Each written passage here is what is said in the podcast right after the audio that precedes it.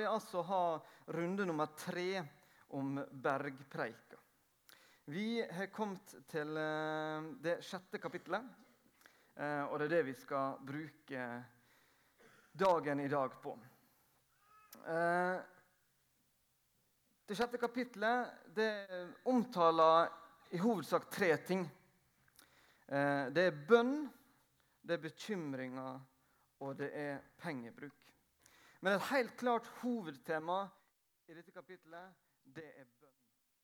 Og det er bønn jeg kommer stort sett til å si noe om i dag. Um, og så tror jeg at hvis vi kan få jobba litt med det, så vil det påvirke våre bekymringer, og det vil påvirke vår pengebruk. Uh, det er en stund siden at jeg leste dette kapitlet med tanke på denne talen. Og Det er liksom godt å surre litt opp i toppen en stund.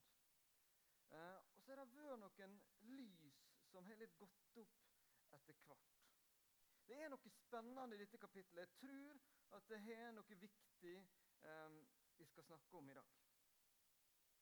Fordi at det, det er noe med å se en sammenheng mellom det livet Jesus levde, og så det han sier.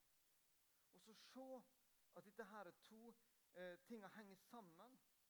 At vi kan se noen sammenhenger ved å studere det. For Jesus, han er jo Gud.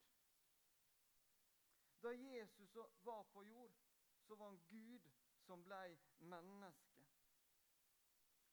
Så det Jesus gjorde her på jord,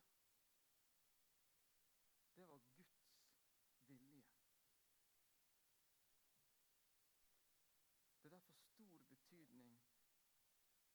hva han prioriterte, hva han gjorde. Og ganske mange ganger kan vi lese om at Jesus gikk for seg sjøl. Fordi at han trengte tid sammen med Gud. Det kan vi se flere plasser. Det står til og med at han, han går så langt unna at disiplene leter etter ham. De finner ikke han med en gang. De strever litt med å finne ham. Um, det kan være fin, fint å se dette i noen av disse her eh, filmene. Denne filmen som heter 'Risen', som kom for to og et halvt år siden. Noe sånt, og andre filmer om Jesu liv, så er dette ofte noe de, de får fram. At Jesus brukte tid alene. Han brukte tid sammen med Gud. Og like før han eh, ble tatt til fange og han lang tid sammen med Gud eh, i hagen. Vi leser en del vers sammen. Eh, Matteus 6, 5-14. Når dere ber, skal dere ikke gjøre som hyklerne. De liker å stå i synagogene og på gatehjørnet og be for å vise seg for folk. Sannelig, jeg sier dere, de har alt fått sin lønn. Men når du ber, skal du gå inn i rommet ditt og lukke døren og be til din far som er i det skjulte, og din far som ser i det skjulte, skal lønne deg. Når dere ber, skal dere ikke ramse opp ord slik hedningene gjør. De tror de blir bønnhørt ved å bruke mange ord. Vær ikke lik dem. For dere har en far som vet hva dere trenger før dere ber Han om det. Slik skal dere be. Vår Far i himmelen, la navnet ditt helliges. La riket ditt komme. La viljen din skje på jorden slik som i himmelen. Gi oss i dag vårt daglige brød, og tilgi oss vår skyld, slik også vi tilgir våre skyldnere. Og la oss ikke komme i fristelse, men frels oss fra det onde. For riket er ditt og makten og æren i evighet. Amen. For dersom dere tilgir menneskene de misgjerningene de har gjort, skal også deres himmelske Far tilgi dere. Men dersom dere ikke tilgir menneskene, skal heller ikke deres Far tilgi de misgjerningene dere har gjort.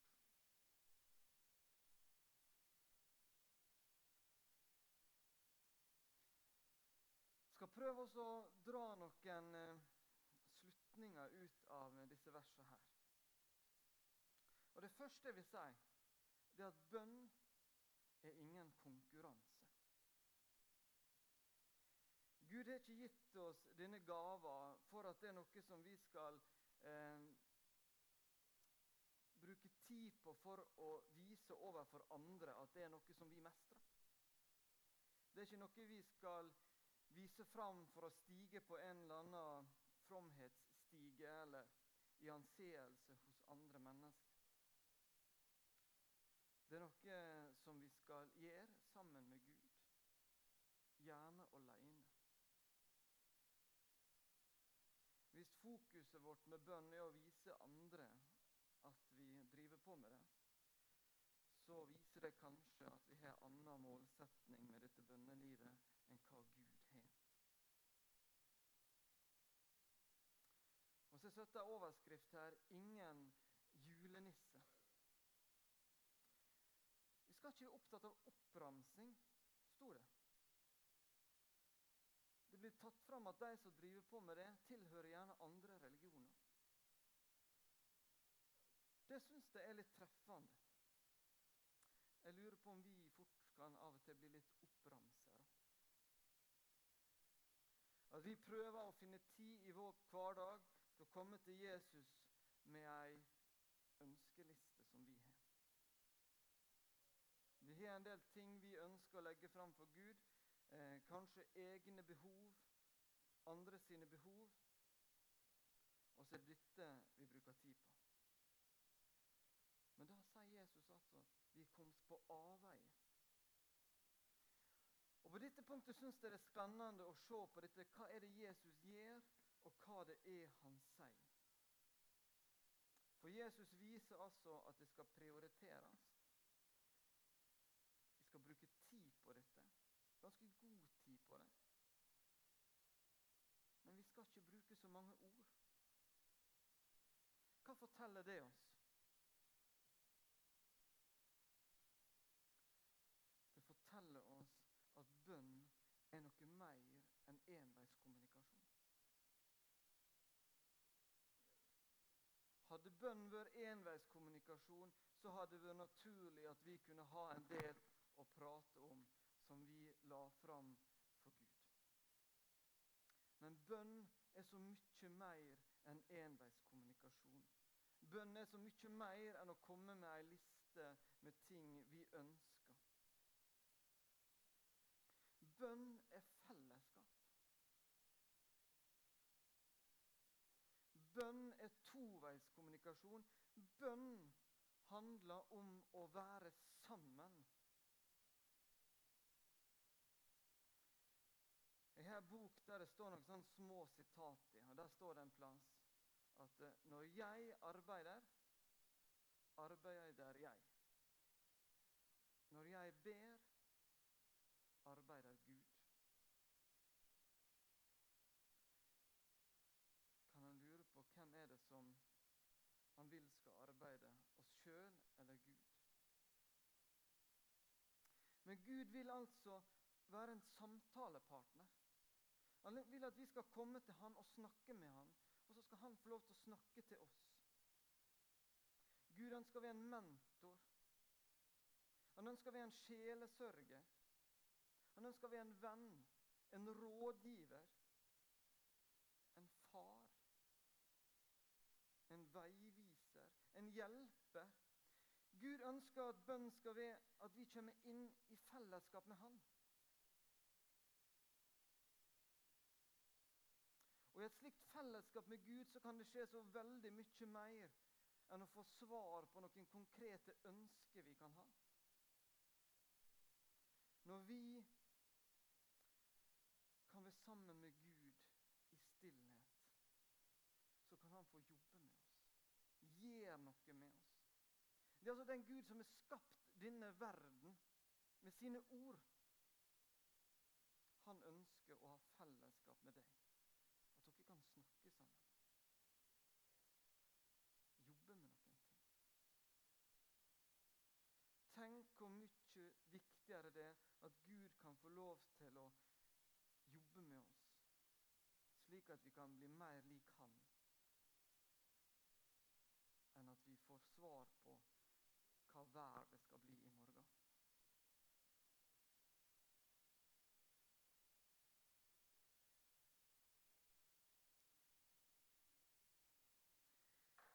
For noen år siden så var det en, eh, en liten sånn kamp i Norge om, eh, om, kalenderen vår. Hva som skulle være den første dagen i uka. Eh, det enda opp med at mandagen står som den første dagen i uka på vår kalender. Og Dette var det en del kristne som, som reagerte på og ikke ønska slik. Jeg må innrømme at jeg kanskje tenkt en stund at jeg, dette der måtte nå vel ha litt med motstand mot endring å gjøre. Men hvis vi kikker på en del bibelske tekster, så ser vi at her ligger noe ganske grunnleggende, og som jeg lurer på om at vi har fort for å hoppe over. Det har noe med hva som kommer først, og hva som kommer sist. Hva er det som skal ha plass først, og hva er det som skal ha plass sist? Jesus han sier at før vi skal jobbe, skal vi bruke tid med ham. Før vi setter i gang, så vil han at vi i stillhet skal være sammen med han. Slik at han kan få påvirke oss, slik at han kan få sette retning, slik at han kan få bety noe for det som skal skje etterpå. Vi tenker ofte at bønn, stillhet med Gud, det kan være en belønning. Men Bibelen forteller oss noe annerledes. Bibelen forteller oss at det er en forutsetning. Så tror jeg at vi kan leve med at kalenderen vår ser ut slik som den gjør. Men vi kan tenke at det er noe som skal få plass først i livet vårt. At før dagen starter, før uka starter, før et vanskelig møte starter, før vi setter oss ned på lesesalen, før vi starter forskjellige oppgaver, også før vi setter skikkelig i gang på ferien så bør det som får plass først. Det er tid sammen med Gud. Aleine. Dere to. For Guds ord sier at hvis vi kan gjøre det, så vil faktisk dette få konsekvenser for det som skjer etterpå. Gud ønsker ikke at bønn og tid med Han skal bli skvist inn på en plass mellom noe annet. Nei, begynn med det. Så vil resten gå så veldig mye lettere. Vers 33 i kapittelet vårt i dag sier Søk først Guds rike Hans rettferdighet. Så skal dere få alt det andre i tillegg. Som jeg sa her for noen uker siden, så er ikke dette verset her en hyggelig hilsen fra Gud. Dette er faktisk en litt ja, dette er tydelig tale. Og det handler om prioritering. Gud vil så gjerne at vi skal ha det bra. Og det sier han at hvis vi skal det, så betyr dette så mye. Hvis vi kan sette Han først, hvis vi vil bruke tid med Jesus først, være sammen med Han, så skal Han sørge for at resten blir så veldig mye bedre.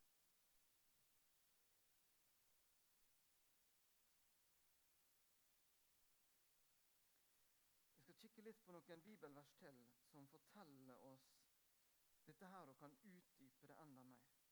Vi leser fra første kongebok 19. Da sa Herren, Gå ut og still deg opp på fjellet for Herrens ansikt. Så vil Herren gå forbi.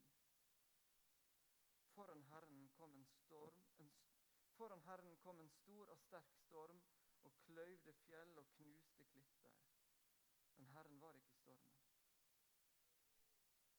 Etter stormen kom et jordskjelv, men Herren var ikke i jordskjelvet. Etter jordskjelvet en ild, men Herren var ikke i ilden. Etter ilden lyden av skjør stillhet. Da Elia hørte den, dro han kappen for ansiktet, gikk ut og stilte seg i huleåpningen. Elia hadde hatt en del utfordrende dager, for å si det forsiktig. Han venta på beskjed fra Gud. Først kom det storm og jordskjelv, men Elia møtte ikke Gud der. Så kom det en brann. De møttes heller ikke der. Men så kommer altså dette her eh, to flotte orda. Skjør stillhet.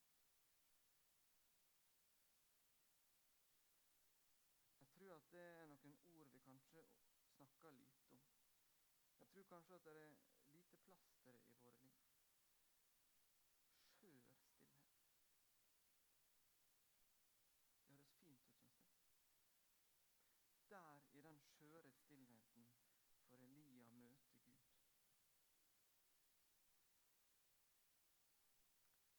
Jesaja 30, vers 15. For så sier Herren Gud, Israels hellige, hvis dere vender om og holder dere i ro, skal dere bli frelst. I stillhet og tillit skal deres styrke være. Kjenner nesten det går kaldt nedover ryggen når jeg leser disse her versene. her. Så klart og tydelig er Guds ord på disse tinga. Og her så jager vi ofte rundt og leser om stressmestring og om time management. Så har vi oppskrifta til det gode liv i Guds ord. Orda fra Han som har skapt oss og kjenner oss bedre noen andre. Som er så tydelig, så sier at det søker vi styrke. Søker vi kraft. Trenger vi pågangsmot og krefter i livet vårt for å takle det som kommer, så skal vi begynne med å søke Gud i en skjør stillhet. Og så vil Han møte oss, og så skal Han gi oss det vi trenger etterpå.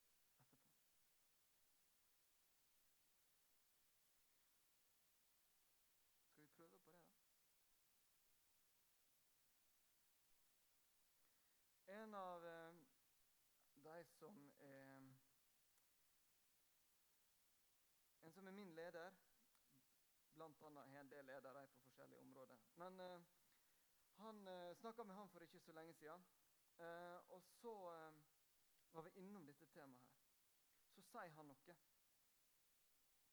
Han sier at eh, meg og, og de som har en sånn type jobb som meg, vi må, vi må gjøre noe med det.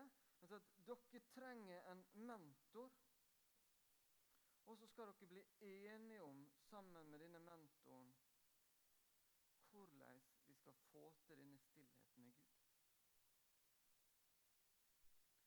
Og så skal denne mentoren holde dere ansvarlig for at dere gjør det.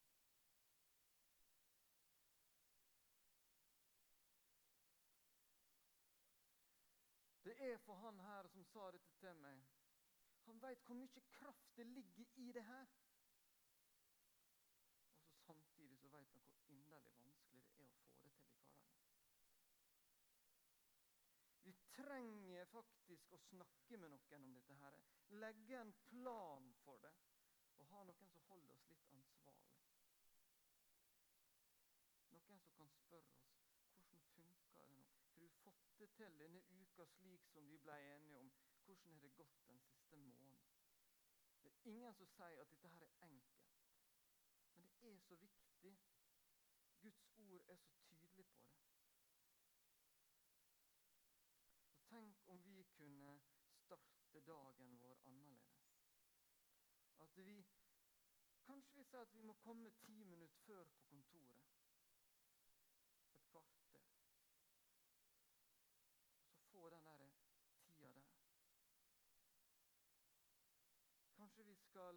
Meditere noen minutter i godstolen, bare i stillhet, før de andre står opp hjemme?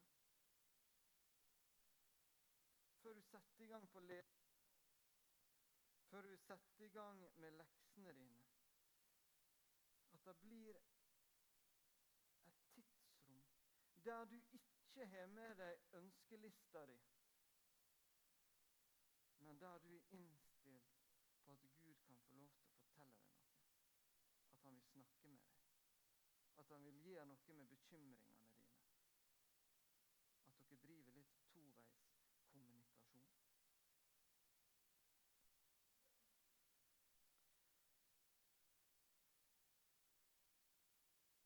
Jeg har en bok her. Jeg tror jeg har et bilde av henne her en plass.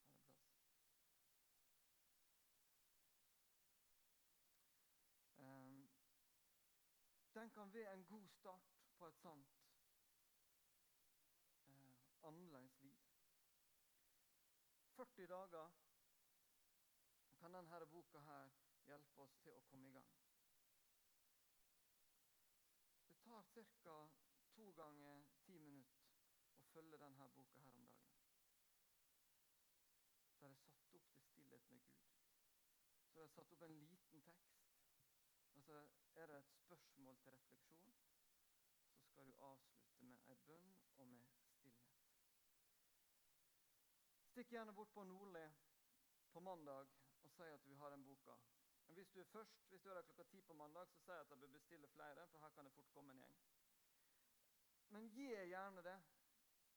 Finn noen hjelpemiddel. Snakk med noen. Og så gi noen omprioriteringer i livet. For vi sier kanskje 'Hvordan skal jeg få tid til det?' da? Det er så fullt etter livet mitt. Og jeg tror dere. Men kanskje livet vil oppleves annerledes hvis vi gjør det slik som vi snakker om i dag. Det sier faktisk Bibelen. Kanskje resten ikke vil oppleves som et sånt stress.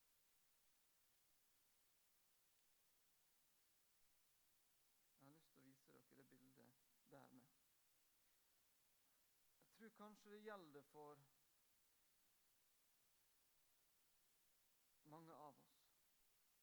Vi lurer litt på hvorfor vi ikke hører mer fra Gud. Um, kanskje vi ikke tar oss så god tid til å lytte. Jeg regner med at dere husker hva vi snakka om den 14. januar. Da hadde vi tema om Mariaplassen, som er mye av det samme som vi snakker om i dag. Og der sier Jesus noe til Martha og Maria. Han sier at ett er nødvendig. Det var én ting som var helt nødvendig. I møte med alt viktig så er det én ting som er viktigere. Og det er å få bruke tid sammen med ham.